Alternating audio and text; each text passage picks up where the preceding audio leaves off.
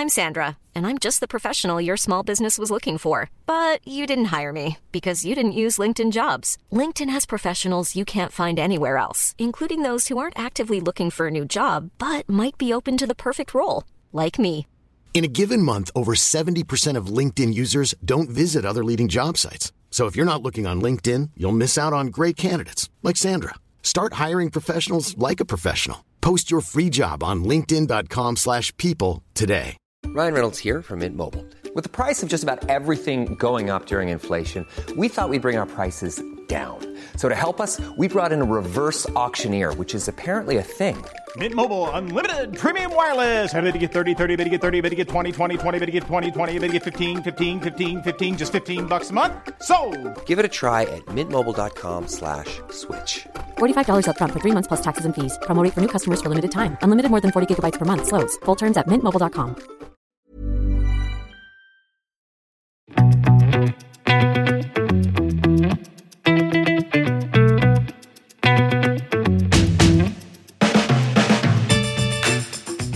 Velkommen til en helt ny episode av Klokkelandslaget. Forhåpentligvis din foretrukne podkast om klokker. Det håper i hvert fall jeg, Jon Henrik. I dag har vi besøk i Ellers så får du ikke høre på. Nei. vi har besøk i studio i dag. Eh, Vi har besøk av eh, en som eh, har vært i podkaster før. Han har skrevet om klokker, og skriver om klokker. Det er Tor Svabo. Og han er eh, ikke bare klokkeskribent, for at eh, på dagetid så har han en annen jobb, og det er å importere italiensk interiør. Eh, Velkommen, Tor. Tusen takk. Du har jo annet skrevet for Klokkeriet først, og så Time and Tide, som er sånn australsk klokkenettside, Ja. og så Fratello, som er det er vel nederlandsk attet, kan man ikke si det? Nederlandsk attet, selv om det er ja. spredd rundt omkring, men det er 100% nederlandsk med kontor og eh, alt nå utvidet. Og GQ.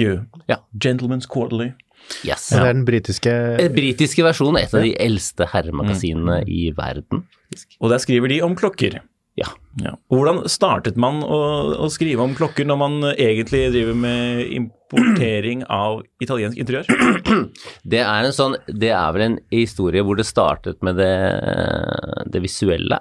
Det startet vel med at Instagrammen min ble, ble, ble veldig klokkefokusert. Det er den jo nå, 100% men det er stort sett.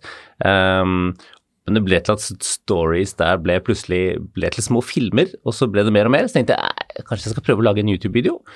Og starte en YouTube-kanal som, som Og alle de gode klokkenavnene var borte. Så den het da Wristwatchism som var da ikke spesielt velklingende. Um, og jeg holdt på med det relativt lenge. Um, og så um, ble jeg spurt om å Så hadde jeg et par av de videoene på klokkeriet, på, på, på den, eh, den, den, den um, redaksjonelle siden til klokkeriet som er utenom um, Facebook-gruppen, som da ikke så mange um, leser, egentlig. Men uh, der hadde jeg et par av videoene mine, og så ble jeg spurt om å skrive en artikkel. Så gjorde jeg det, og skrev veldig mye der i første halvår av 2019. Det har gått fort, dette. Ja, det var starten, og um, så vet jeg ikke hva skjedde da. Jo, ja, da fikk jeg faktisk inn en gjesteartikkel på Fratello, for jeg hadde skrevet en på, um, på klokkeri om en Grand Psycho, som jeg hadde selv. Og så tenkte jeg lurer på om jeg faktisk skal prøve å pitche en artikkel på engelsk et sted. Um, jeg hadde møtt han Robert Jan Bror fra Fratello på hos en produsent i Holland. Eh, så jeg tok den kjekke, sendte til han og en annen som jeg møtte. Altså, du, jeg har, eh, jeg har den artikkelen her, kan jeg få prøve å kanskje pitche en artikkel til, til dere med en idé? Så ja, jeg gjør det gjerne. Og så sendte jeg en artikkel på engelsk, og da, ja, den så veldig bra ut. Eh, du kan få den inn som en sånn gjesteartikkel. Wow, Fratello var liksom For meg så var det på Facebook og via, via, via um, Watchville-appen Det var en av de store sidene. Og han redaktøren sa da at dette var kjempespennende, um, men um, og, og, du får inn denne her, eh, kanskje en gjesteartikkel til høst. Det var sånn ubetalt, selvfølgelig. Um, vi vil gjerne også at du skal skrive mer for oss, men nå kan vi ikke det. Akkurat nå har vi fullt av skribenter, men prat gjerne med oss senere. Og så hva var det da? Må, sommeren, den samme sommeren så fikk jeg tilbud om å få den første klokken en produsent skulle sende til meg. som var fra Linde Werdelin, um, som er dansk, men jeg er basert i London. Og da sa jeg uh, ja, gjerne send det til meg i Norge, som er sånn som jeg får noen ganger. Det er stort sett det er veldig mye hassle pga. tollen vår og, og, og, sånne ting. Men uh, de skulle sende meg en klokke. Jeg sa ja, gjør gjerne det. Og da, da um, var jeg så frekk at jeg sendte en melding til, um, til, til Time and Tide i Australia Altså at du, jeg, har en, hatt en gjesteartikkel på jeg har jobbet med salg i 20 år, så det er liksom å bruke de kontaktene man har, og eh, den biten her, ikke sant. Så jeg sendte den inn til, uh, til Time Time. Så du har en klokke på vei fra Linde Werdelin som jeg skal gjøre en review på. Jeg hadde en gjesteartikkel på Fratello, um, men jeg skal ikke skrive for de. Hva med å, å, å, prøve hos dere? Uh, ja, kjempeflott. Og så skrev jeg den, tok bilder. Uh, jeg tar også mye bilder av egne artikler. Um, sendte den i, og den ble akseptert, og så plutselig så kom jeg med fire-fem andre ideer, og vips, så var jeg i gang, på en måte. Mm. Hvorfor fikk du betalt der? Time and Tide var et veldig, veldig morsomt, hyggelig sted å skrive for. Um, um, relativt lav betaling. Um, det var mest fordi at den australske dollaren er ikke ikke, den mest fantastiske valutakursen i verden. Um, men det er klart at det, det, var jo, det, var jo, litt betaling, uh, og det var jo morsomt. Men for meg så var det foreløpig Det var jo bare personen, på en måte. Så jeg begynte å skrive der sånn på på, på, uh, på sommeren, 2000, sommeren, 2020, var det det? Um, og så bare valgte på seg. Da ble det jo um, Da kom jo den artige pandemien. Og på den tiden så var jeg eh, ansvarlig for prosjektsalg i, nasjonalt i Norge hos en tysk hvitvareleverandør. En jobb jeg hadde hatt i åtte år. Um, og når pandemien kom, når den klassiske amerikanske um, denne Hva heter det? Quiet, uh, quiet, quiet, quiet quitting-teorien. Uh, ja. hvor jeg i prinsippet satt med Eventene var borte, kundemøtene var borte. Ehm, det sosiale var borte, kollegaene var borte, og du blir sittende igjen med 18-siders Excel-ark med pipeline på, på, på, prosjekter og salg, og finner ut at det faktisk ikke er arbeidsoppgavene som er morsomt, det er menneskene. Og de var jo ikke der. Og det var hjemmekontor. Um, så da hadde Og så ble vi satt på vi ble satt på 50% hele salgsteamet. Det varte bare i tre uker, men det visste jo ikke jeg. Så jeg startet eget firma, jeg begynte å skrive, jeg skrev content for David Andersen, for Tune Watches, um, for um, Christensen, som var Grand Psycho, samtidig som uh, ja, Time and Tide. Og på det året så skrev jeg over 200 artikler for Time and Tide. Det er mye. Fram til 2021. Det var veldig mye. Og det er klart det var jo sånn at uh, plutselig så var jeg Da var jeg independence editor. Independence editor som det heter på australsk. eh, Tos var Bowie.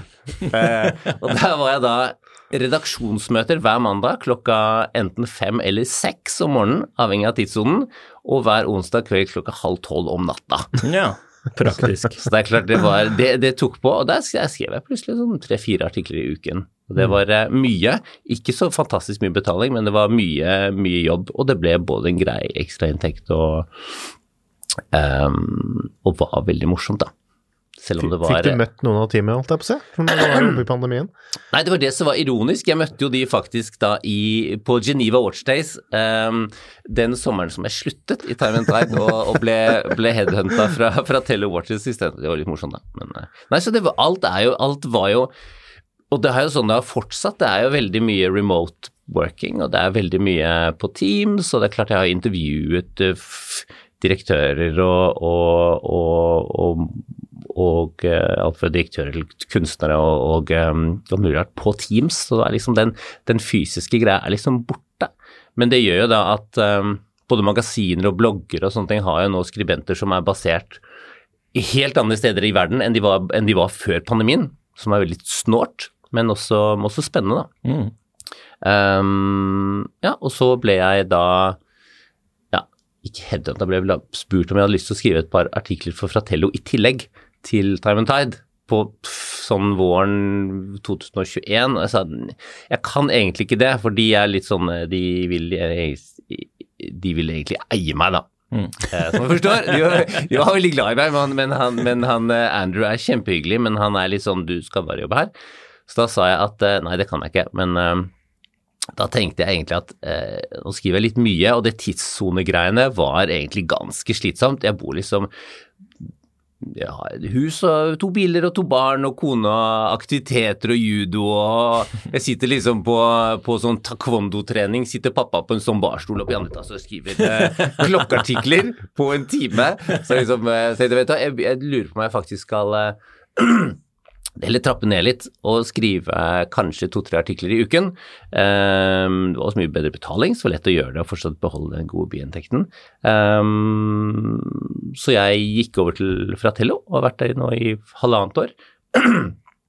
og ble da parallelt i våren, ja, april i fjor, så hadde jeg kontakt litt fram og tilbake med en annen eks kollega fra Time and Tide, som nå er um, European Style Editor i British GQ.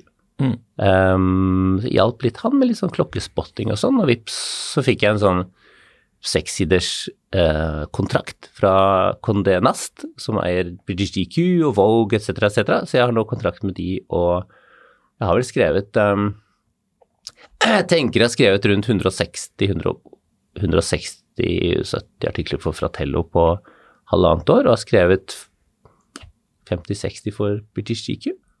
Eh, på en helt annen stil. Det er det som er litt, morsomt. Det er en helt annen stil, helt annen måte å skrive på. For dette ja, er mainstream media. Ja. Så dette er jo veldig, veldig korte ting. Det er sånn du får eh, Du kan skrive 1200 ord på Fratello om en Laurent Ferrier som kommer som er en fantastisk klokke, mens på, på uh, i British GQ så kan det være Du, nå må vi skrive den, en veldig god artikkel om affordable Grail watches, og du har du har 50 ord per klokke, kjør! Og du må finne åtte klokker. ja, jeg, jeg, fant fram den, den nyeste artikkelen din, og den heter eksempel The best watches under five grand that you can flex on the daily. Ja, det, Overskriftene må jeg si, må jeg bare innrømme, de blir gjerne endret til mer, um, mer um, clickbait-y overskrifter ja. fra de som er eksperter. Men det funker bra, den der. Ja. ja. Og det er liksom, men ironisk nok så er det jo da Jeg får jo mye mer uh, Du får mer kred og mer attention på, på artikler som jeg skriver der, selv om de da er ja. veldig korte, veldig lette. Og mindre intellektuelle på sett og vis. Absolutt. Ja. Det liksom, du, hvis han er sånn, vær så snill, bare sånn, prøv å holde hold litt tilbake. Mm. Du kan liksom ikke skrive Du kan ikke skrive fire setninger om en minuttviser, mm. fordi den er vakker. Og, og, og uh, black polished fra, fra, fra Kikuchi Nakagawa i mm. Tokyo, ikke sant. Det er liksom hold deg til fakta. Gjerne kast inn et par hvis det er en celebrity som har på seg den ene klokken. Mm. Putt gjerne inn det i en setning. Men det er også det en stor utfordring, da, for, det jo, for meg så er det en stor kreativ outlet, den skrivingen. Og det å kunne komprimere inntrykket av én klokke på enten 50 eller 60-70 ord.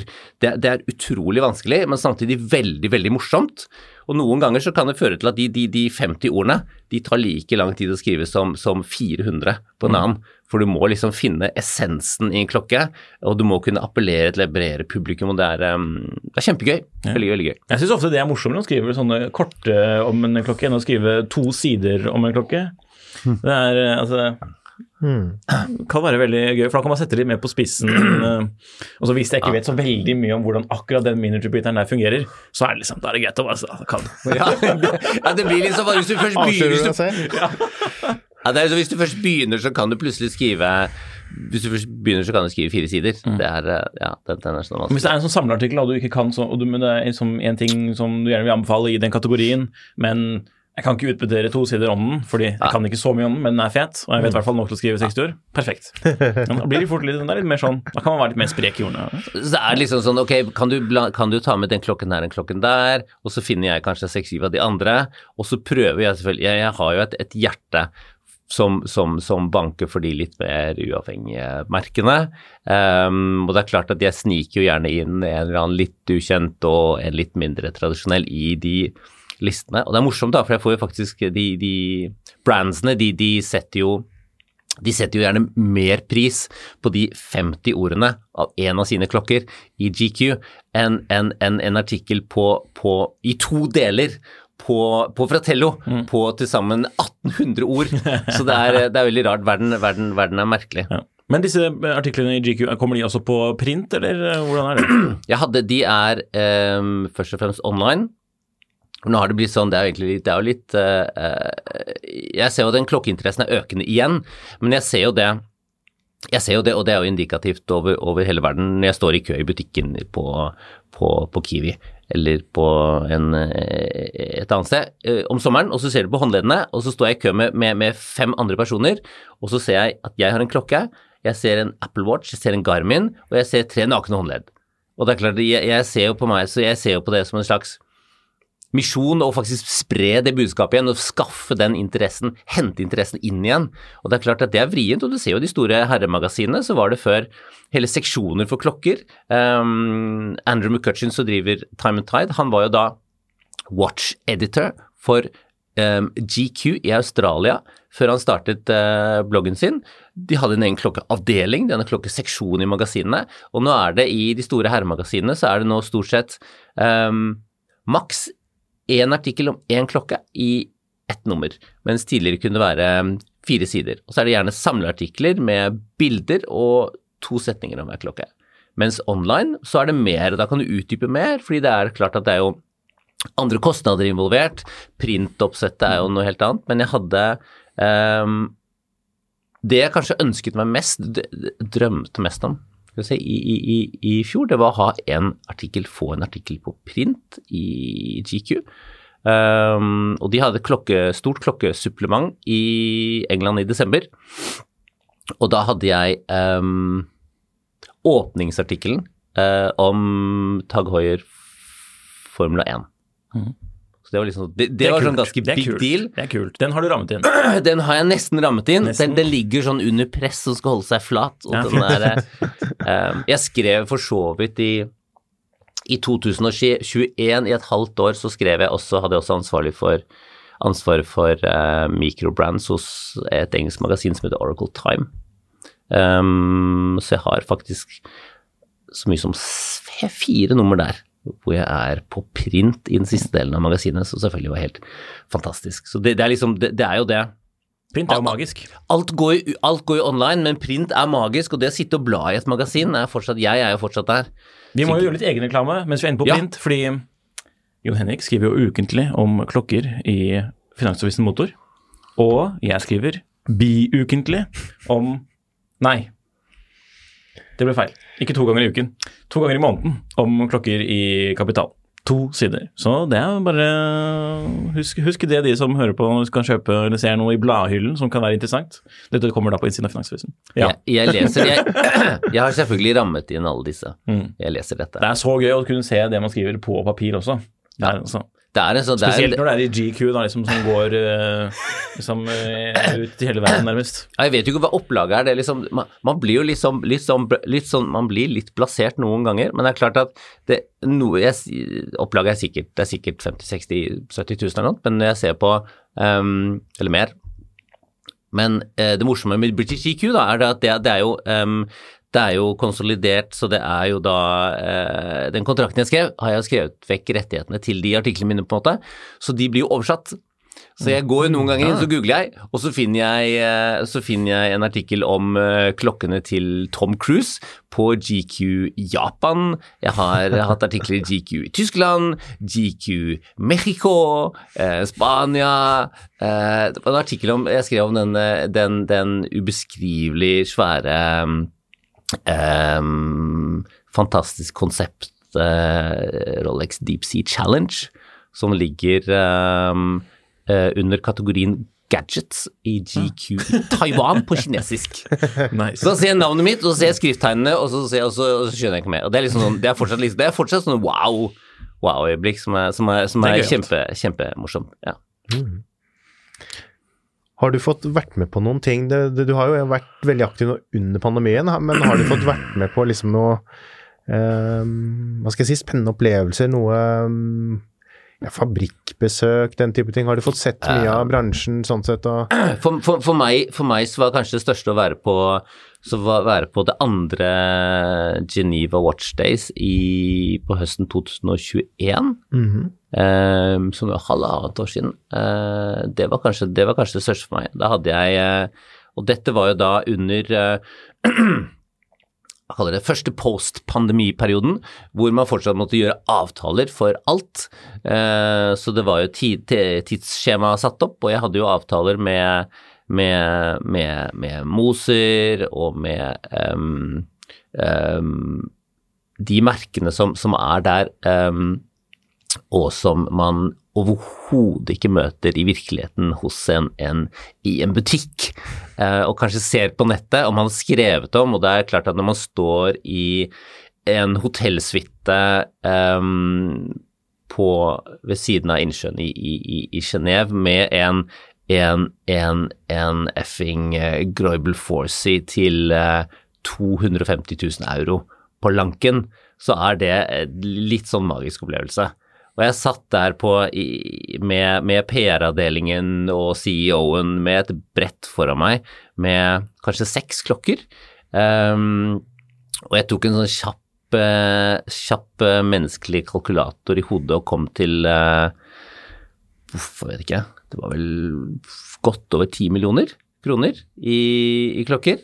Og sto der rett ved den åpne døren til, til terrassen med en, med, den, med en Groibel Forsey Sport GMT i titan til uh, Og hva var uh, What's the price of this? Oh, 280,000 euros. Well, that, that's fair.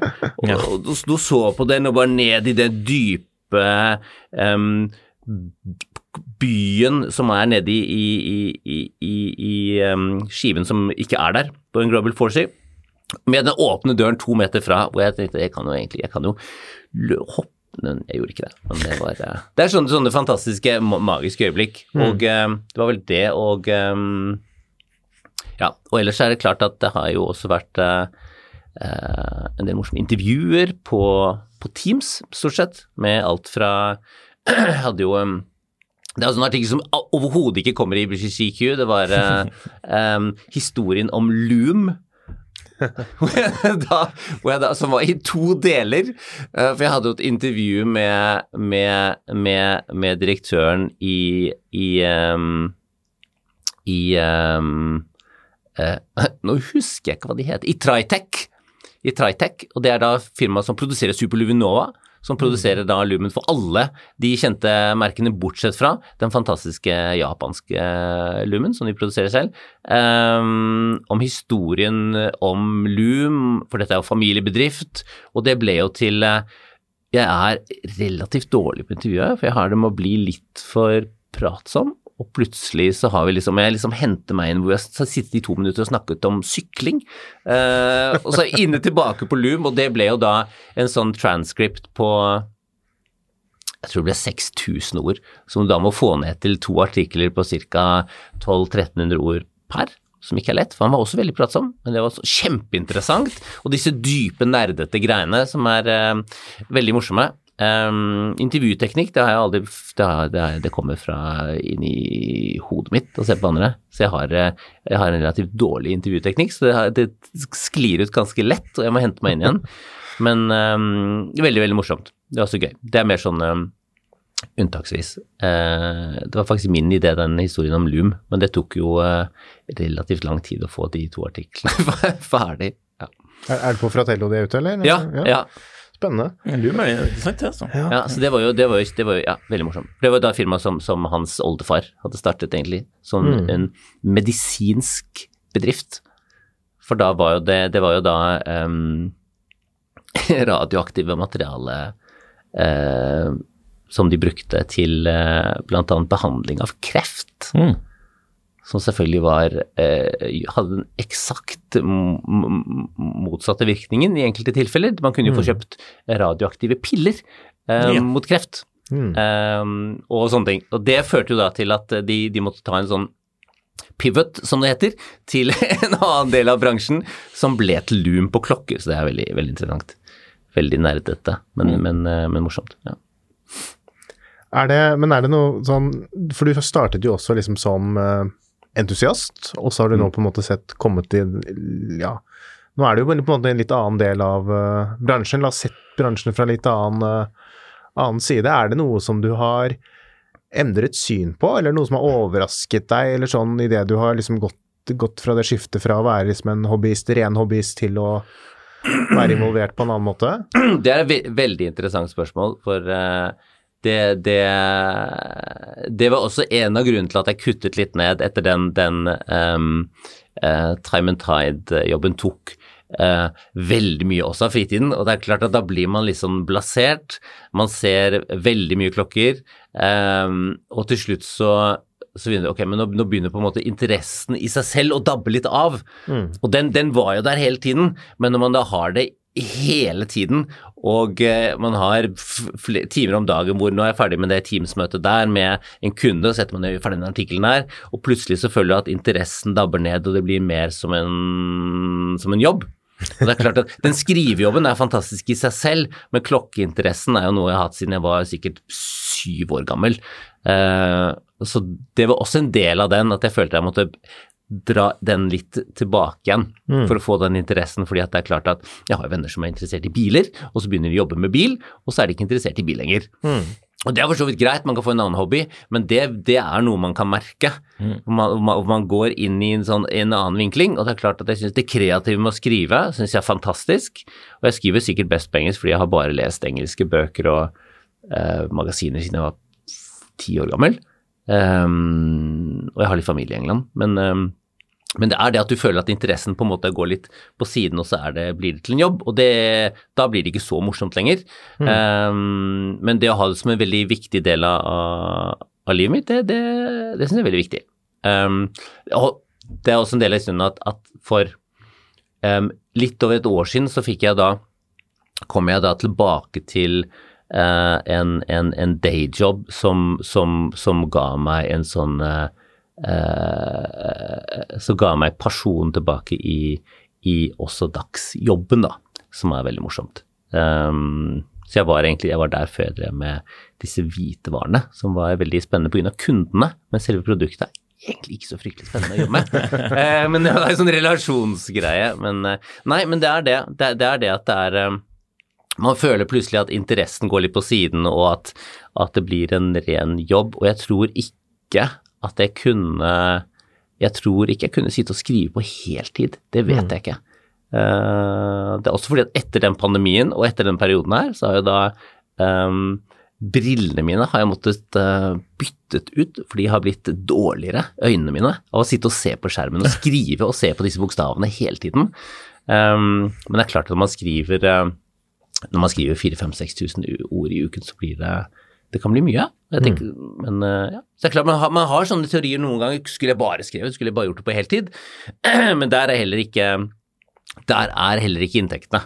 Ikke, ikke i på den siden der, hvis man bor i Norge med norske utgifter. Det bare lar seg heller ikke gjøre. Det er mm. sikkert veldig, veldig kult, men da, man, da har man en lønn som sikkert, som sikkert tilsvarer en type sykepleier-lærerlønn. Hvis man ikke da sitter og skriver 48 artikler i uken, og det, går til 48 er mye, altså. Ja, jeg tror det er, tror det er litt sånn uh, egentlig ganske vanlig, sånn som du har fortalt, da, over uh, hos de utenlandske nestene. Det er jo, for det er jo så tett knyttet opp en hobby, og da er det jo mange også som er villige, altså flinke folk som har mye kunnskap om klokker, som også er villige til å gjøre dette her enten gratis eller å gjøre det veldig billig. Fordi det er liksom en måte bare å dyrke hobbyen videre på, selv liksom hos ja. de store titlene. da, som det, er sånn, det, er, det, er, klart, det er ikke til å legge imellom. Nå er det veldig, veldig ulikt på Fratello enn mange andre steder. Mm. Um, betaling er god for mm. det man skriver. Um, men det er klart at en del av de store bloggene utnytter entusiaster. Mm. Og det er klart at når jeg startet å jobbe for Time and Tide, så var um, betalingen per, per artikkel var, var, forsvinnende liten. Mm. Det ble jo en god biinntekt, fordi jeg skrev jævlig mye. mye. men, men, det er klart, altså, i utgangspunktet, i utgangspunktet så var det Så, var det, så er det de som ofte de som, de som, de som um, sitter som eiere, som har de, har de virkelige inntektene. Mens mm. journalister og journalistyrket er jo det er, van, det er vanskelig mm. uh, hvis man ikke blir veldig god, og hvis man ikke har to, tre, fire parallelle jobber på én gang. Mm. Uh, altså nå, nå, har jeg i utgangspunktet ca. to artikler i uken på Fratello, men det er en sånn basis. Og forrige uke så er det sånn typisk. Forrige uke så var det to artikler, en på begynnelsen av uken, en på slutten av uken. Helt fint. Jeg kan noen ganger skrive en på, på et par timer hvis det er, uh, hvis det er en rask en. Um, og så midt i uken så du, nå kommer det sånn ny Laurent Ferrier som kommer om to dager. Har du lyst til å skrive om den? Akkurat det merker jeg er veldig glad i. Så jeg, ja, selvfølgelig gjør jeg det. Så blir det tre, og så kommer det mail fra han på, på British GQ. Um, look, why don't we do a follow-up on that story last week on the affordable grail watches? What about these two lists? Can you do these two? Så plutselig var det en av de også, og så blir det fire på en uke. Men det går litt sånn opp og ned. Men, men det er klart at eh, de som er på Fratello, der sitter jo jeg og skriver og legger inn i, i, i, um, i Wordpress og retter, tar sånn search engine optimization, legger inn bilder, tar ofte noen bilder selv. De som går til British GQ, det er, det er et Word-dokument og ferdig. Så det er klart at det kan jeg skrive på to timer, pum, poff, sende den, og så er det gjort. Og så gjør de layouten, de legger inn bildene. em, og jeg får masse mer kred, selv om det ironisk nok er, er lettere enn de på Fratello, som faktisk kan være veldig mye arbeid bak. Eh, også det som kommer etterpå, man legger det inn, lesbarhet, søke, la, la, la, alt det der, som er eh, kjempegøy. Bildene er også veldig morsomt, men det eh, er det noe mindre av. Men også fordi at det er veldig styret å sende klokker til Norge. For de blir ofte stoppet i tollen, du må sette en falsk verdi, fordi, jeg, fordi jeg skal måtte betale 15 000 kroner i toll, og så søke om å få det tilbake. etc., etc. Så det er mye presse, det er mye presse, men det er også mye teoretiske artikler på de beste klokkene på 36 millimeter som kom ut i fjor, og sånne ting som er, eh, er morsomt. Hiring for your small business? If you're not looking for professionals on LinkedIn, you're looking in the wrong place. That's like looking for your car keys in a fish tank. LinkedIn helps you hire professionals you can't find anywhere else, even those who aren't actively searching for a new job but might be open to the perfect role. In a given month, over 70% of LinkedIn users don't even visit other leading job sites. So start looking in the right place. With LinkedIn, you can hire professionals like a professional. Post your free job on linkedin.com/people slash people today. Many of us have those stubborn pounds that seem impossible to lose, no matter how good we eat or how hard we work out. My solution is PlushCare. PlushCare is a leading telehealth provider with doctors who are there for you day and night to partner with you in your weight loss journey. They can prescribe FDA-approved weight loss medications like Wagovi and Zepbound for those who qualify. Plus, they accept most insurance plans. To get started, visit plushcare.com slash weight loss. That's plushcare.com slash weight loss.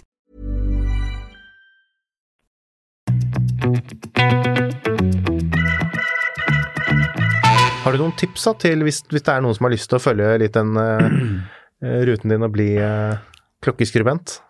Det er, det er, det er litt ironisk, da, fordi at jeg, jeg føler at jeg ikke har gjort det så veldig lenge. Um, jeg har gjort dette nå i det er vel fjerde året i år. Um, Du har fått til mye på kort tid, da.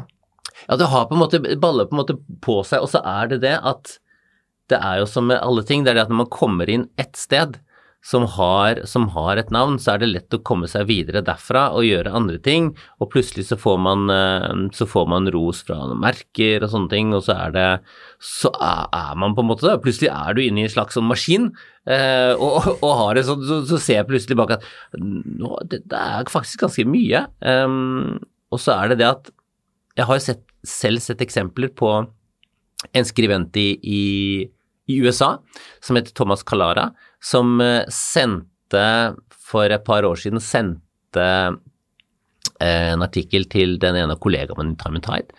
Se på den her, kanskje jeg kan få skrive litt hos dere, hva syns du om det? Um, vi hadde en del chat fram og tilbake på Instagram. Du, jeg har lyst til å skrive om klokker. Uh, har du noen råd å gi? Og jeg ga han litt råd og prøve å skrive litt og lese mye og se på, se på stilen, hva som er fokus i artiklene, hvordan man på en måte kan skrive litt casual, um, som en sånn skrivestil, for det er lettere å lese. Det er, veldig, det er vanskelig hvis man går på de, hvis man blir for nerdete, sånn type quill and pad og, og sånne ting. Det er kjempekoselig å sitte og lese 2000 ord um, som stort sett bare dreier seg om et urverk, men leserne nå er um, det er ikke det at det er færre av de, men det er også det at man skal få inn en yngre demografi og andre lesere og klare å øke klokkeinteressen til de yngre som ikke, ikke, har, ikke har det samme forholdet som det, som, som det vi har, kanskje. Vi som er over 30, eller noe sånt. Um, Eller under. så jeg, ga, jeg, ga, jeg ga han litt sånn tips. Gjør det, bare send, skriv og send og foreslå. Og han er nå en skribent for Worn and Wound i USA. Så det er liksom morsomt. Men det er liksom det, det er bare å prøve å skrive, se, se på stilen, prøve å skrive, sette seg ned, se om man får det til. Det er ikke alle som har det i seg, på en måte, men det er liksom bare skrive og bare la det komme fra hjertet, og følge og, og uansett om det er en klokke som man da kanskje ikke elsker 100% så er det å finne de detaljene man kan føle en entusiasme for, og så skrive, skrive fra hjertet, og bare la det komme, og så ha Kanskje klare å skrive litt sånn litt casual, men samtidig ha med noen sånne sexy facts som er en spesiell detalj. Om urverket, ehm, balansen, teknikken på, på lakken, på urskiven, sånne ting som, som, som gir deg som gjør at du får en sånn pondus i det du skriver, eh, og de forstår at du kan faget, men samtidig klare å skrive, mikse det med en litt sånn løs og ledig måte å, å skrive på, som, som kan være vanskelig. For det kan være noen ganger så kan det bli veldig tungt og veldig sånn faglig. Og det er klart at da er det vanskelig å få tak på de, de 25-åringene som, som, som, som ikke som, som Det eneste jeg har hatt på armen, er en, kanskje en Garmin. Og du skal på en måte hente inn Vi må hente inn nye mennesker til klokkeinteressen. Så det er eh, ja. Jeg tror det er veldig riktig det du sier der med det å se an stilen, i hvert fall litt på det stedet man eventuelt kontakter, da. For det er, det er som du sier, det er, jo, det er jo ikke bare det å Selv om man kan mye om klokker, det er jo ikke det. Det er, det ikke noe konkurranse om å kunne mest med klokke, eller skrive mest spesifikasjoner, eller Men det er jo liksom det å prøve å fange essensen, og så kommunisere det på en måte som også passer den plattformen man, eh, man er på. Finne, finne har- de bitene som er spennende. Ja, for alle, har, alle steder har ulik tone på hvordan de skriver. Time and Tide var veldig løst og ledig, kanskje for meg litt for mye på den populære siden i forhold til uh, celebrity watchspotting og sånne ting, så jeg er egentlig ikke så fryktelig interessert i kjendiser og hva de har på seg nei. i det hele tatt. Eh, men det er det jo sånn i mainstream media, og det var det ganske høyt fokus på der. Mm. Fratello er mye mer seriøst, og en sånn god miks. Og så har du de som er veldig tunge, og du har Hodinki, som har for så vidt forandret seg litt nå, da, men du har jo de veldig seriøse og faglige som, som ehm, jeg nevner Quilliam Pad igjen, jeg, men mm. det, sånn som det. Og så har du litt de som fokuserer litt mer på de rimeligere klokkene, som Warren Wound og, og, og, eh, og de som har um, Du må på en måte også Det du er glad i selv. Det er klart at hvis du, hvis du, du det, det vil ikke si at du har Hvis du bare har råd til å kjøpe 5000-6000 kroners Seikor, så kan du fortsatt skrive om en klokke til to millioner. Men um, du må på en måte Ja, jeg vet ikke. Man må bare prøve seg og skrive og kanskje sende et sted, og så, og så se, se hvordan det går. Øvelse gjør mester. som Ikke sant? Hva slags klokker har du med i dag? Jeg har med Hva har jeg med i dag? Det jeg prøver nå, er jo um, Og det er det som er vanskelig å skrive om klokker, så plutselig så har du fryktelig mange klokker. Så jeg har liksom prøver nå desperat på ca. fjerde forsøket å gå ned fra kanskje 25-26 klokker i alle mulige rare stiler, ned til en sånn fokusert, distillert um, um, måte å, å, bare understreke det jeg er glad i og det jeg liker best, på en måte, og kanskje komme ned til en 10-15 gode klokker, selv om jeg ser at det er, det er fortsatt et lerret å bleke dit. Eh, consolidate, som det heter, og prøve, å ha en litt mer sånn kuratoraktig innstilling til, til samlingen. Um, jeg har jo da Men det er klart at man skriver om klokker som koster 100 000, 200 000, 2 millioner, eh, som man ikke nødvendigvis har råd til. Men det er klart at man kan jo skrive og være glad i eh, Mona Lisa i Louvre, selv om man ikke har råd til å kjøpe det, eller et Warhol-bilde. Så det, er på en måte, det føler jeg er veldig viktig. Men jeg har på en måte en sånn eh, Jeg har to klokker som jeg har med meg. Den ene er en, en microbrand-klokke, og den andre er en Grand Psycho. Og det er vel to merker og, som jeg er glad i, egentlig. Um, og Har jeg du lyst til å legge de på Ja. denne puten? Fordi de som eh, lytter, så kan man jo også se på klokkene på YouTube-kanalen vår. Vil du legge den litt mer mot meg, mot min venstre? Sånn, ja. Perfekt. Sånn. Ja. Så her har vi da Dette er da en Furlan Marri, ehm, som er da Det er vel det mest opphypete um, mikrobrandet de siste tre årene. De hadde en lansering på Kickstarter som, som heldigvis nå de fleste har gått bort fra, for det er vel en sånn som har fått et litt dårlig ord på seg, dårlig rykte. Um, de lanserte fire klokker. De solgte de, de, de fikk fundet på Kickstarter med ca. 100-gangeren flere millioner på ca. tre minutter. um, de var veldig gode på markedsføring. Um, og det er en klokke som, klokkeserie som har fått plass hos, hos Patek-samlere, de som har, de har, Du kan ha en, en, en FP Journe, og så har du en Fulamari, og det er selvfølgelig merkelig. Markedsføring er bra, men de har liksom truffet på en måte jeg vet ikke, spikeren på hodet. Det er en, en klassisk sånn Patek-aktig kasse. Du har disse pusherne fra Patek Philippe Tasti Tondi, um, referansen et eller annet som jeg ikke husker. Um, klassisk sånn 40-tallsklokke, 38 millimeter. Um, fantastisk god verdi for pengene og finish for en klokke som koster rundt 550 euro. Um, og på innsiden er det mekakvarts. Og innsiden av den, og det er det som er Der tar jeg meg fortsatt i å, å være veldig snobbete. Um, og før jeg hadde en av disse microband-klokkene, så hadde jeg aldri så var jeg på den Jeg skal være 100% mekanisk uansett. Jeg skal ikke ha kvarts. Jeg kan ha en G-sjokk, som er sånn reiseklokka, og den som jeg har på stranda. Men mekakvarts og kvarts er liksom Det er en uting. Um, men jeg føler også det er en fantastisk god inngangsbillett. Og på disse her, verdi for pengene, og det at det er, det er et mekakvartsurverk, men det er et Psycho-mekakvartsurverk. Psycho er 100 inhouse. Uh, og jeg har funnet ut at jeg faktisk klarer å se forbi det at det ikke er et mekanisk urverk, som jeg faktisk fortsatt tar meg selv i og syns det er uh, merkelig. Men du har jo en sånn perfekt vintage klokke, um, men du har en sånn helt annen peace of mind. Den går.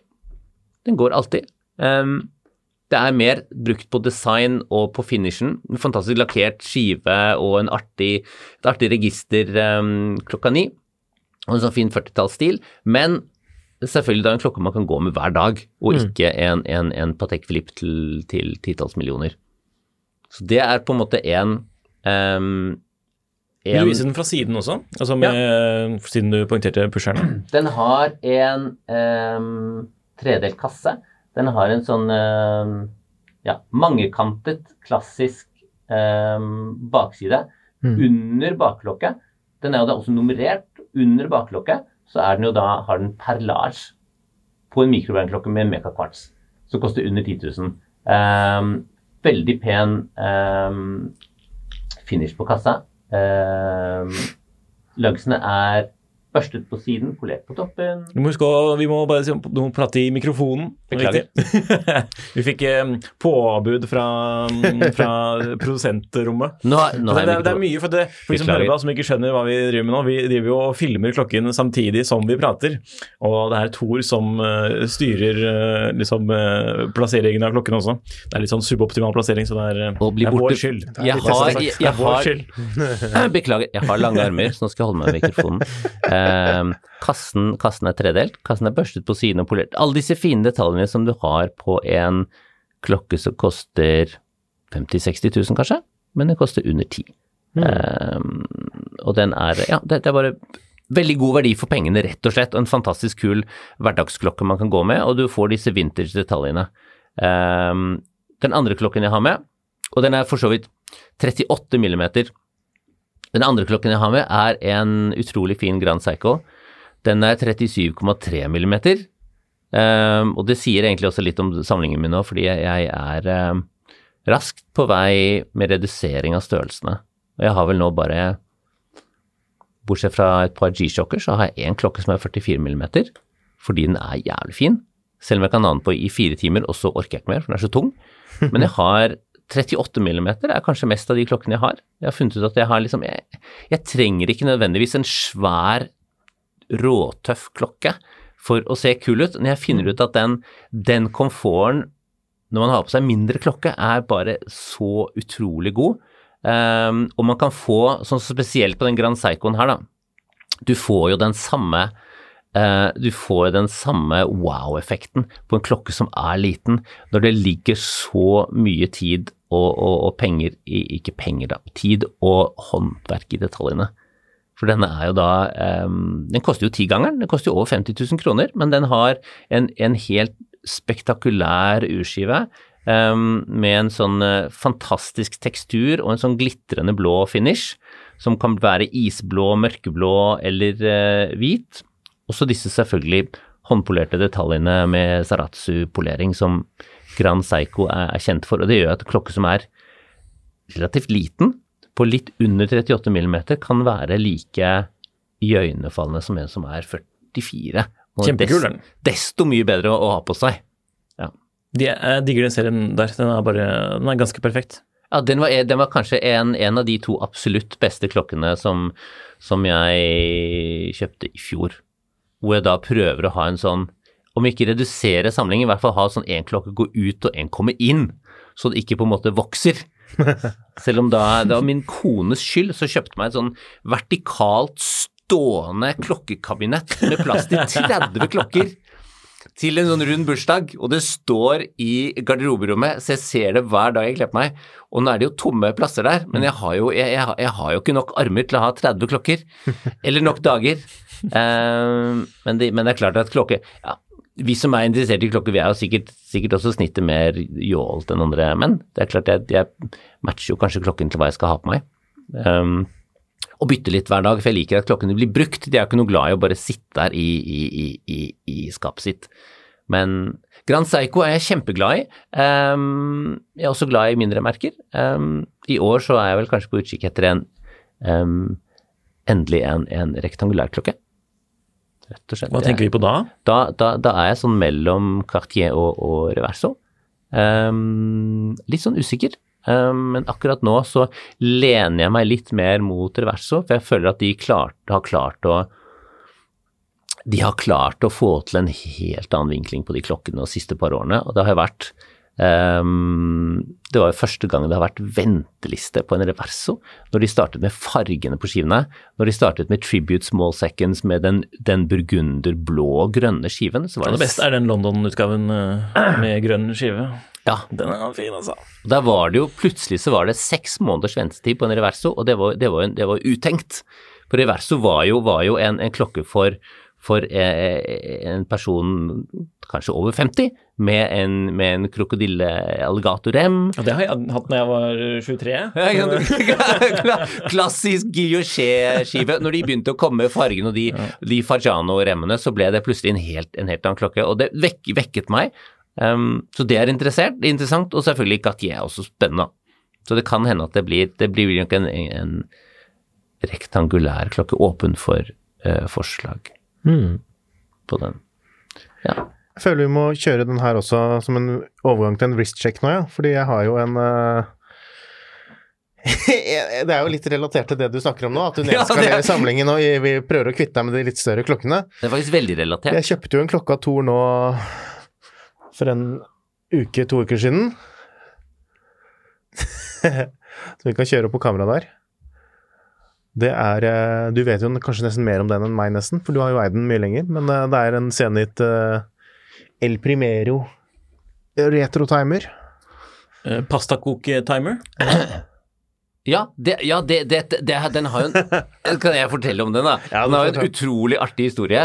Det følte jeg at jeg kjøpte den, så fant jeg ut at huff da, den var kanskje litt for stor for denne pinglete håndleddet mitt. Uh, den har jo da, den er jo retrotimer. Den er en El Primero, eh, den som nå heter Kronomaster-serien. En El Primero kronograf. Det er en kronograf som går hele tiden. Um, med en flyback-funksjon, som gjør at man kan time, ta tiden på noe når man vil opp til 30 minutter, Uh, og på, på uh, registeret, 30-minuttersregisteret klokka tre, så er det en lite, et lite rødt merke på åtte minutter. Og dette er fordi at, uh, at det, det er fordi han eh, Philippe, ikke Philippe Dufour, men han andre Dufour, som nå leder Rolex, Stemmer. han var direktør i, i, i Zenit når de relanserte El Primeroen i, på tidlig 2000-tallet. Han var veldig glad i pasta. Og hvis man er glad i vanlig pasta og spagetti, som jeg vet veldig godt, for jeg har en italiensk kone, så skal det koke i åtte minutter. Og er det ett minutt ekstra, så blir den for myk. Da heter det al dente, og derfor er det et rødt merke på åtte minutter. Så det er kjempemorsom, kjempemorsom historie. Eh, og den klokken her, den produserte de bare i ett år, i 2000. Og i 500 eksemplarer, delt på to ulike varianter, denne og en sort. Um, og for uh, Jons glede så har jeg da skrevet en artikkel på Fratello om denne her, med en egen spesifikk eh, et lite intervju med Romain Marietta, som da er historikeren til Zenit. Um, som jeg klarte å, å lure meg til, uh, før jeg fant ut at klokken var altfor stor for meg, selv om den var veldig fin. så den er veldig kul. Synd for deg, men veldig bra for meg. Ja. Jeg syns den er utrolig morsom. Det er eh, Jeg syns jo de vanlige primeroene, de er veldig pene, men jeg syns de på en måte blir litt Kanskje litt kjedelige på en måte, jeg vet ikke. Ja, jeg ser, jeg ser, jeg ser den. Skal vi, skal vi teste Tore litt, eh, Henrik, og så se om du greier å presentere denne klokken også? Wow. For nå har jeg lagt noe på, på bordet, da, for de som hører på. Nå har Nikolai laget en, en, en, en, en veldig fin psycho som gjør at jeg har litt lyst til å legge Grand Seiko-min der, så ta denne og løpe ut. Det, det er faktisk greit. Men jeg skal, jeg skal ikke gjøre det. helt ok for meg. Han har, lagt han har lagd en utrolig fin vintage Seiko her, som uh, har denne utrolig kule eh, sjokolade et eller annet-remmen. eh, klassiske turtle-formen. Og dette er jo da uh, Nå husker ikke jeg referansenummeret. 6105. Men dette 8, er da en, en, null. faktisk den originale 6105, kjent fra Apocalypse Now. Yeah. Det er en, en, en klokke med en massevis av kred, og den har en utrolig fin eh, patina. Så da ble jeg rett og slett Jeg har ikke lyst til å snakke om det, for jeg ble bare veldig misunnelig. Det er greit. Vi har, vi har, det, vi har snakket mye om det i poden tidligere, så det er bare Så det blir eh, Så det er eh, Den er kjent allerede, holdt jeg på å si. Den Ja. også er jo litt større enn uh, En såkalt Willard. Ja. Willard. Yes. Hvor stor er den egentlig? Nei, 43 eller 44. 44 på grunn av Den er jo asymmetrisk, men Ja. i tillegg til at den eh, er veldig bulky. Men så har den veldig korte remfester, eller sånn remfeste. Ja, den har den så, så, så løgg til så vil være veldig ikke- kort og føles føles mye sånn. mindre. Ja, som jeg sier. Den er jo, det- den er jo, den er, det er jo en fantastisk klokke, og her ser du liksom Her ser du den evolusjonen av den utrolig fine um, Utrolig hvis, vi byt- dytter den lenger eh, sånn, ja. Der, Sånn. der ser de den. Her ser man jo da den evolusjonen av den utrolig fine ergonomien til Psycho, som gjør at den ene klokken jeg har som er 44 mm, det er jo en Psycho. Det er en Marine Master 300. Eh, men en sånn, den vintage, eh, ja, den eh, Hvis du snur deg, snur, deg, snur deg nå, så kan det hende at den blir borte. Det, da, skal- så lenge du legger igjen den Grand Seicon, så er det ok by me. Ja, veldig fin. veldig fin klokke. Vi må jo, hva, vi må jo si, folk må jo følge Tor, eller deg, på, på Instagram. For der skjer det jo litt sånn Du, har jo, du legger ut bilder av klokker. Og de som hører på denne podcasten, de liker jo å se på bilder av klokker. Og kanskje lese om klokker. Jeg legger ut bilder av klokker, jeg legger ut linker til artiklene mine på forskjellige steder. Jeg hadde I går så, så kom det ut en artikkel som, som, som het um, altså Noen ganger skriver man nyhetsartikler om klokker som man syns er relativt fine, men ikke er super begeistret for alltid. Men, eh, men det er jo nyheter, og man skriver det. um, og det er morsomt å skrive i seg selv. Jeg finner alltid noe jeg liker eh, med en klokke, men i går så skrev jeg en artikkel som var mer sånn, mer sånn hjertebarn, som er um, um, som var 2022 was a great year for independent Japanese watchmaking. Uh, jeg har det, jeg har fortsatt litt sånn eh, relativt stort varmt hjerte for de uavhengige produsentene. Jeg er veldig glad i japansk klokkedesign, og det var sånn type en liten oppsummering av um, klokker fra i fjor fra Kurono, um, Naoya Hida, um, Minase. uh, det var også da en liten collaboration med Fratello i fjor, uh, og Minase. Og um, en av mine favoritter som er eh, Kikuchi Nakagawa, som er en, en duo som lager noen helt fantastisk vakre klokker. Um, så det kan man em, se på. Ja, det må man se på. Ja. Det er kanskje en av mine grails, faktisk, en sånn Kikuchi Nakagawa. De, de ja. Liten, liten, kostbar, forseggjort og enkel. Ja. Er det noen klokker du er ute på utkikk etter akkurat nå, da? Som, som du er klar til å pull the trigger på, for å bruke et engelsk uttrykk? det, det, det, er, det er litt sånn skummelt. Akkurat nå prøver jeg på en måte Jeg prøver å konsentrere meg om å ikke få lyst til å kjøpe noe, og klare å liksom samle sammen til å få en, en skikkelig god reverso eller en god eh, Cartier, rett og slett. Eh, det blir nok en eller annen, en eller annen tank, tenker jeg, eh, og en eller annen reverso. Um, prisene har gått opp. Prisene har gått opp i år. Um, og det er klart, jeg kjøper jo um, massevis av klokkene jeg kjøper, kjøper jeg online, men det er klart at det er fortsatt en, en, en, en spesiell følelse å gå til en forhandler og sette seg ned med det brettet og, og prøve. Så det er bare halvannen uke siden siden jeg var på Bjerke og prøvde en reverso.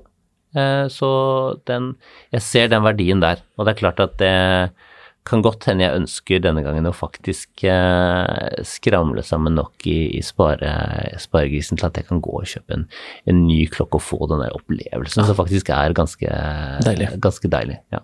Vi har jo en spalte som heter Gullkorn på Finn, hvor vi pleier å gi litt sånn enten kjøpetips eller sånne helt latterlige tips for, å, for en god latter. Jeg tenkte vi kunne gjøre en twist på denne i dag. ved at vi, Nå har vi spurt på hva du er personlig er ute etter, og du da vil naturligvis si at det må være et nokså godt kjøp, selv Ja. ny. Men hvis du skulle gi et kjøpetips i dag, for øvrig brukt, eller noe som er på tilbud f.eks., eller eh, om du vet om noe som eh, er bra Det kan være generelt bare en klokkemodell eller ikke, da. Altså, eller eller et helt Ah. spesif en helt spesifikk klokke. Ja. Men noe som du er mer sånn Ah, dette er tiden for å kjøpe dette. Da har jeg faktisk eh, jeg, det, det, er jo ikke, det er ikke til å legge mellom at legge noe eh, hemmelig at jeg, jeg sitter jo på Krono 24 nå og da og titter på, på klokker som er til salgs, Som man burde. som man burde. Eh, hvor man da f.eks. finner hos denne fantastiske fine eh, Zeniten, som nå eh, Jon Henrik eier, eh, fant jeg der, i et ubevoktet øyeblikk.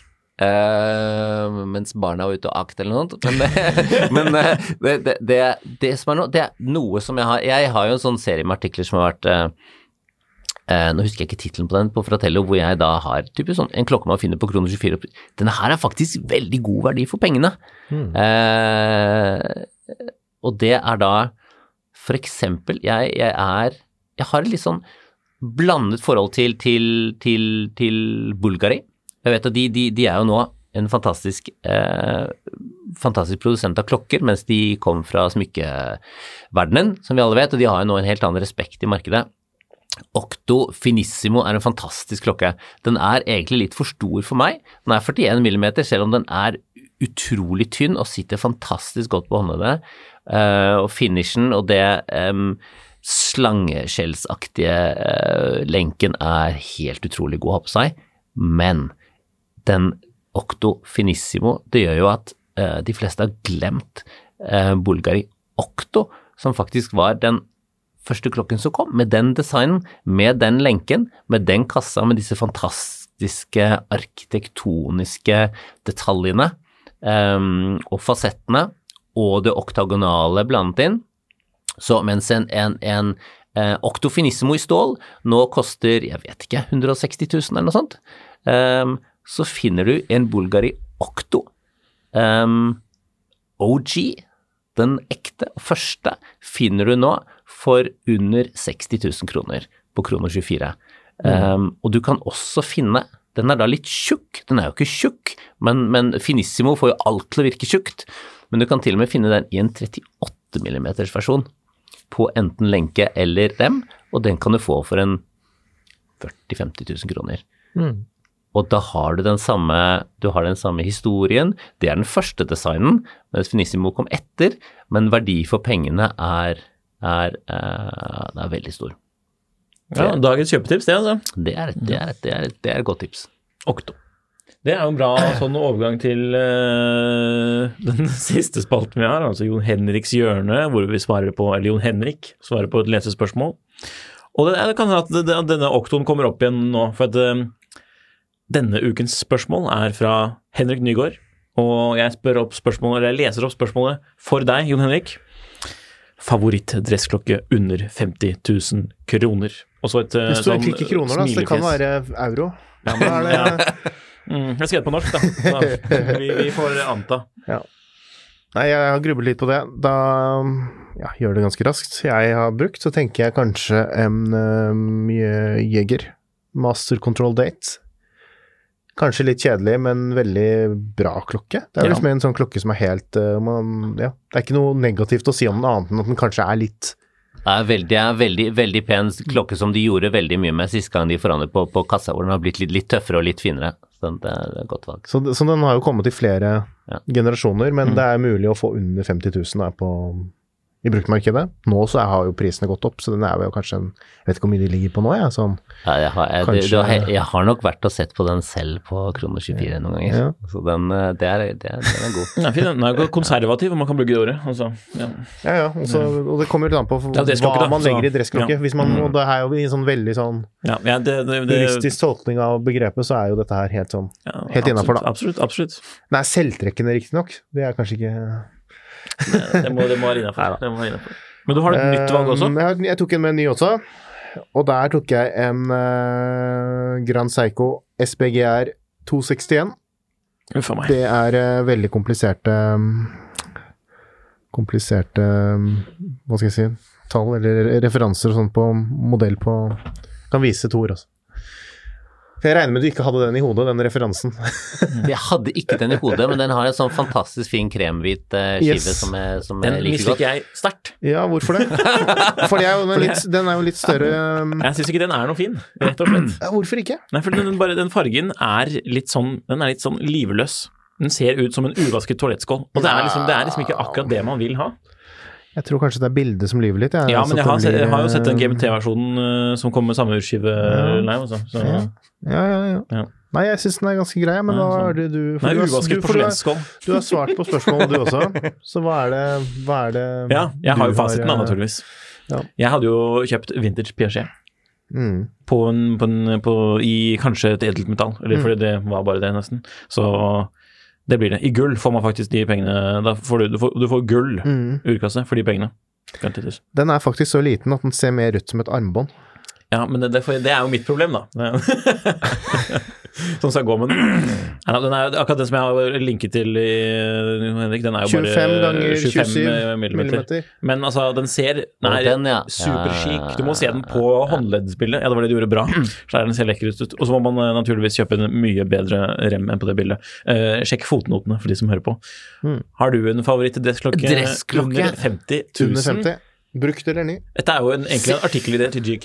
Ja, jeg har Hvis vi kan si, hvis vi kan si, si ja, jeg, vet, jeg vet ikke om jeg kan kalle hvis, hvis det er en jeg, jeg har et litt sånn ambivalent forhold til hele dressklokkekonseptet. Uh, selv om jeg ser at um, en kronograf er ikke en dressklokke. Men uh, jeg vil si til 50 000 så vil jeg, se, så vil jeg si den uh, Kanskje den kronografen i eh, gull som er best verdi i forhold til en fantastisk bakhistorie og eh, merkenavnet som man kan få tak i. Eh, det er en eh, Tag Hoier Carrera, eh, merket Hoier på urskiven fra ca. Eh, 1999 eller 2000. 35 millimeter gull, sølv skive, eh, CS3404 tror jeg den heter, og de kan du noen ganger få for rundt 50 000 kroner. Og det er da en perfekt vintage Carrera i gull til 50 000 kroner. Det er innenfor. Det er, eh, det er verdi for pengene. Ellers skal jeg gå helt på den andre enden av skalaen og foreslå en, en, en eh, Ikke en Psycho, men en Kredor i, med kvartsverk fra 2000-tallet i en sånn super sleek, ganske lik den Piageten design, og de får du for uh, godt under 10 000 kroner, og en Kredor nå koster godt over 100. Så det vil jeg si er en vilt, er vilt god verdi for pengene. Jeg så du hadde en sånn der Kredor eh, alpinistaktig greie også. Ja, jeg har faktisk Ja, jeg har en Kredor uh, 38 mm Kredor Phoenix fra 2000, eh, eller 2001, og den er Det er som en sånn eh, Hva skal jeg si Det er en, en sånn vill blanding hvor de prøver Nå skal vi lage credo til et premiummerke, men vi skal på luxury sports. Og vi skal da ta Vi, tok, vi tar alle elementene fra de klokkene vi liker best, og putter sammen i én. Så det er jo da en alpinist um, som selvfølgelig har en, en sånn Cyclops over datoen, som de har tatt fra en, en Rolex Explorer. Den er der. Um, og så har du en litt sånn Omega-aktig kasse med litt tjukke lugs, 38 mm, og så prikken over i-en. Du har da en, en Cartier krone med en sånn cabochon, som da, i motsetning til Cartier nå, faktisk er en ekte sten med crown guards. Så den har liksom alle stilartene, og all- allikevel så fungerer den på en måte, og den har en sånn sort lakkert blank skive. Um, den kjøpte jeg fra, fra Japan, og, og kjøper du brukt fra Japan, så får de så dårlig samvittighet hvis, er, hvis noe ikke er i perfekt stand. Så de skulle pusse litt på kassa, um, og så fant de ut det var noe galt med en av viserne. Så de inkluderte da i kjøpsummen, som for så vidt var fryktelig billig, uh, at de sendte den inn til Psycho Service-senteret og fikk en full Kredor-service med dokumentasjon og bilde i en gul Kredor-konvolutt sendt til meg. Eh, Nice. Så det var, det var kjempeartig, og det er, artig, det er for så vidt også en klokke som er 38 millimeter, som jeg har funnet ut egentlig er min eh, Jeg kan vel si at 60% av klokken min er 38 millimeter cirka. For det funnet ut er, det er fantastisk. Den er ganske tjukk og sporty, men den er, den er supersnål, veldig sjelden. Um, jeg kjøpte den for under 20 000 kroner, og de ligger til salgs for mellom 30 og 60, så markedet er på en måte i vill- villvarelse om, om, om hvor verdien ligger. Men, ehm, men den, er, den er fin. Enda et kjøpetitt der. Jeg, skal, jeg, jeg, må, jeg må følge med på det, for de var- den var dritkul. Kul, kul. Eh, Tor, vi har holdt på øh, lenge. Og du er naturligvis velkommen til å komme tilbake til klokkelandslaget. Og i den anledning så vil jeg overrekke en klokkelandslaget-caps. Spennende. De som ser på, kan de nå se på, på kamera her. Oh, jeg ser, jeg ser Jeg kan føle misunnelsen gjennom eh, Jeg kan føle misunnelsen gjennom eteren. Limited edition. Ja. Den var kjempefin. Jeg kommer selvfølgelig veldig gjerne tilbake. Det er bare å si fra. Absolutt. Vi takker for at du stakk innom denne gangen. Du må si Instagram-handlet ditt til de som heter Det Instagram-handlet mitt er da det veldig spennende uh, Tor Svabo. Ja, jeg så det på GQ at de hadde skrevet Tor has interviewed ind industry CEOs and horologically focused artists alike and has the unimaginative social media handle at Tor Svabo. Ja, og Der står det også da at jeg er den eneste nordmann som ikke har et par ski. Ja. Er det du som har selv har skrevet den, eller er det noen der? Den er nok faktisk Den er relativt selvskrevet, eh, med litt editing på, men der står det da at jeg er den eneste nordmann som ikke har et par ski, og det er for så vidt det er egentlig sant, hvis du ikke teller sånn teller stumpeski. stumpeski. Så jeg, jeg aker med barna og står på stumpeski, men ellers Men det er liksom det. Jeg vet ikke om det er fordi at jeg sitter inne hele vinteren og sitter skriver om klokke. Kan hende. Ja, men vi, vi avslutter denne klokkepodkasten med stumpeski. Eh, Takk for at dere hører på Klokkelandslaget, en podkast fra Finansavisen i samarbeid med tidssonen.no. Vi takker Tor. Vi takker Finansavisen. Vi takker Tidssonen. vi takker dere takk som alle. lytter på. Takk, Vi takker alle. Jeg takker mor. Vi takker mor, spesielt min mor, Monica. Takk. Hei og hå. Takk.